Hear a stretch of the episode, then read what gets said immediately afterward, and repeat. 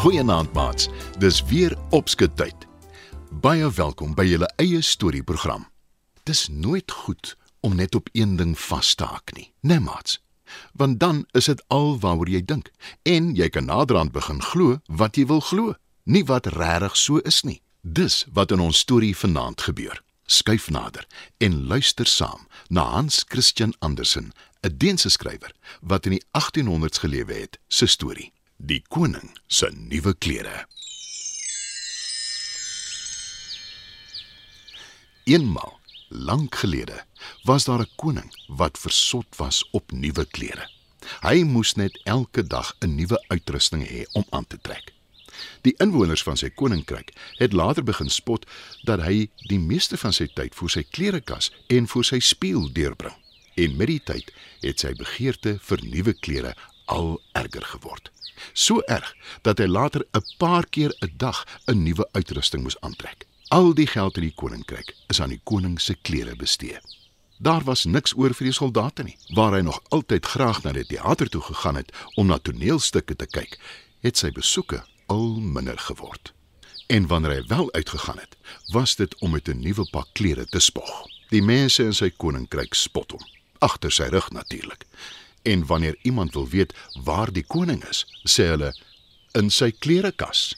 Toe, op 'n dag daag daar twee skelms op in die koninkryk.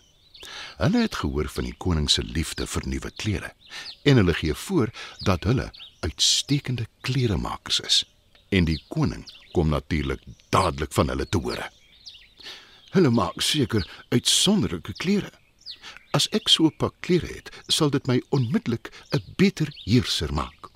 Almal sal opkyk na my, dink die koning. Ontbied hy sy raadgewer en sê vir hom: "Die kleremakers wat sopas in die koninkryk aangekom het, moet dadelik na my kasteel toe kom. Hulle moet vir my die heel beste pak maak wat ek nog ooit gehad het."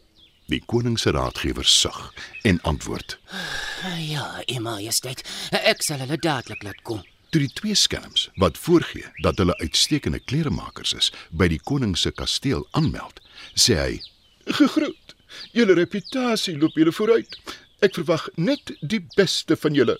Dankie vir u vertroue in ons, u majesteit. Ons weef inderdaad die wonderbaarlikste klere met die mooiste patrone en die helderste kleure. verkondig die eerste skelm. En die tweede een voeg nog 'n leen by. En wat ons klere so uitsonderlik maak is dat dit onsigbaar is vir enige een wat nie uitmuntende smaak het nie.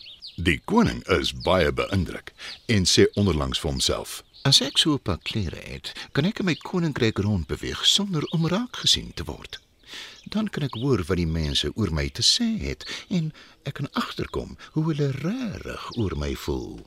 Toe gee hy die sogenaamde kleremakers opdrag om so gou as moontlik vir hom die heel mooiste en die heel beste pak klere te maak. Dit gaan heel wat kos.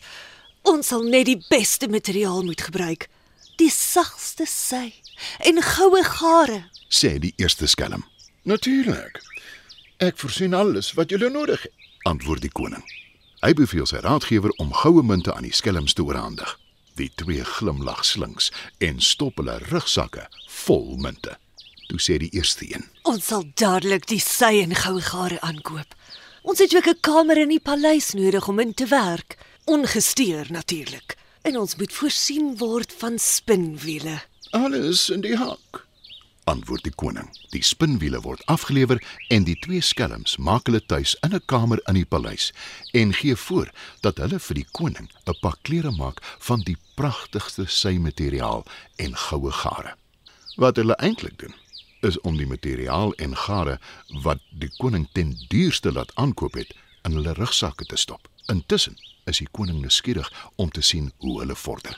Hy is ook ongeduldig, maar hy wil nie self gaan kyk hoe die twee skelms wat voorgee hulle is kleremakers vorder nie. Ek wil nie hê die kleremakers met hulle besondere vermoë moet dink ek is onkundig nie. En die klere is buitendien onsigbaar, sê hy. En hy besluit om sy eie kleremaker te vra om te gaan kyk. Die koning vertrou hom. Hy maak al jare lank sy klere en is ook 'n loyale vriend. Die koning se kleremaker gaan na die kamer toe en bekyk die leë spinwiele. En hy is baie agterdogtig. Ek weet hulle beweer die klere is onsigbaar, maar ek vind dit moeilik om te glo. Daar is dan nie eers gare op die spinwiele nie, maar miskien is ek net onkundig. Ek beter liewer stil bly oor my bedenkinge. Dis dalk beter om te wag en sien wat die eindproduk is. sê hy vir homself. En toe die koning sy kleremaker vra hoe die nuwe kleremakers vorder, antwoord hy: Hulle vorder goed, U Majesteit. Ek sien uit na die eindproduk. Die koning kyk skepties na sy raadgewer en vra: "Is jy seker? Jy lyk asof iets jou pla."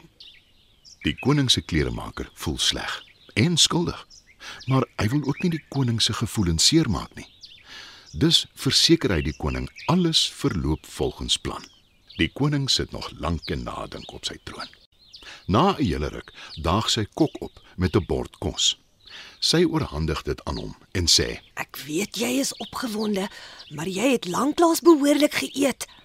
Ek het jou gunsteling gemaak vir jou. Herderspastei. Die koning se kok is die enigste een wat nie vir hom u majesteit en u sê nie. Sy werk al baie jare in die kasteel en sy het hom sien groot word. Die koning neem sy kans waar en sê: "Ek ken jou al my hele lewe lank en ek vertrou jou. Gaan kyk vir my hoe die nuwe kleuremakers vorder en kom vertel my." Die kok is verbaas oor die versoek, maar sy gaan kyk wel na die skelm se kastige handewerk en sy sien nes die koning se kleremaker die leë spinwiele en geen klere nie. Toe gaan sy eers na die kleremaker toe en sê: Iets is verkeerd met die twee nuwe kleremakers se werk. Ek sien niks nie. Wat van jou? Ek het ook niks gesien nie. Antwoord die kleremaker. Wat maak ons nou? Vra die kok. Ek kan nie die koning teleurstel nie. En ons is dalk albei verkeerd. Dalk is dit wel 'n onsigbare pak. Toe besluit die kok om ook maar liewer die waarheid te verswyg. Intussen is die hele koninkryk in afwagting. Hulle wonder hoe die onsigbare klere gaan lyk. Die meeste van hulle is maar skepties. Uiteindelik is dit die aand voor die groot dag. Die koning se nuwe pak sal die volgende dag gereed wees, vertel die twee skelms hom. Die koning besluit om sy nuwe klere tydens 'n optog deur die strate van sy koninkryk vir die mense te wys. En die kleremakers, wat eintlik skelms is, gee voor om deur die nag te werk op die vooraand van die optog om die klere klaar te maak. 'n Lig brand die hele nag. Hulle trap die spinwiele met niks op nie en sny denkbeeldige materiaal in die lug. Die oggend, toe die koning sy klere kom besigtig, hou hulle dit in die lug voor hom. Ons hoopie is tevrede, U Majesteit. Sê die eerste skelm. Die koning sien natuurlik niks nie, want daar is niks nie.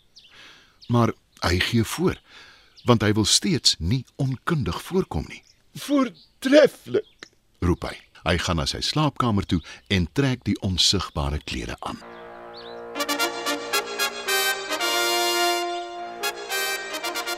Kort daarna begin die optog. Die koning word gevolg deur sy getroue amptenare en sy kleremaker. Die mense vergaap hulle aan hulle koning, wat sonder 'n draad klere deur die strate loop, maar niemand durf iets sê nie. Maar soos wat die spreekwoord lui, uit die mond van die suigeling hoor jy die waarheid. En dit beteken natuurlik dat kinders makliker die waarheid praat omdat hulle nog nie soos groot mense soms noodgedwonge moes leer jok nie. En midde in die optog roep 'n klein seentjie: Maar die koning is dan kaal. Hy het niks klere aan nie. "Die koning is woedend." Maar hy weet die seentjie is reg. En hy weet ook dat hy nie saam met sy kastige klere onsigbaar is soos wat hy hom voorheen verbeel het nie. Tog loop hy die hele pad statig terug na sy paleis toe in sy onsigbare gewaad, gevolg deur sy amptenare wat saam met hom voorgee dat hy wel klere aan het. Julle wonder seker hoekom, Mats, maar die antwoord is eenvoudig. Dis omdat hy te trots was om te erken dat hy om die bos gelei is deur swendelaars. Maar Daar is 'n goeie les te leer uit die storie. Moenie sommer enige iemand vertrou nie, veral nie grootpraterige vreemdelinge nie.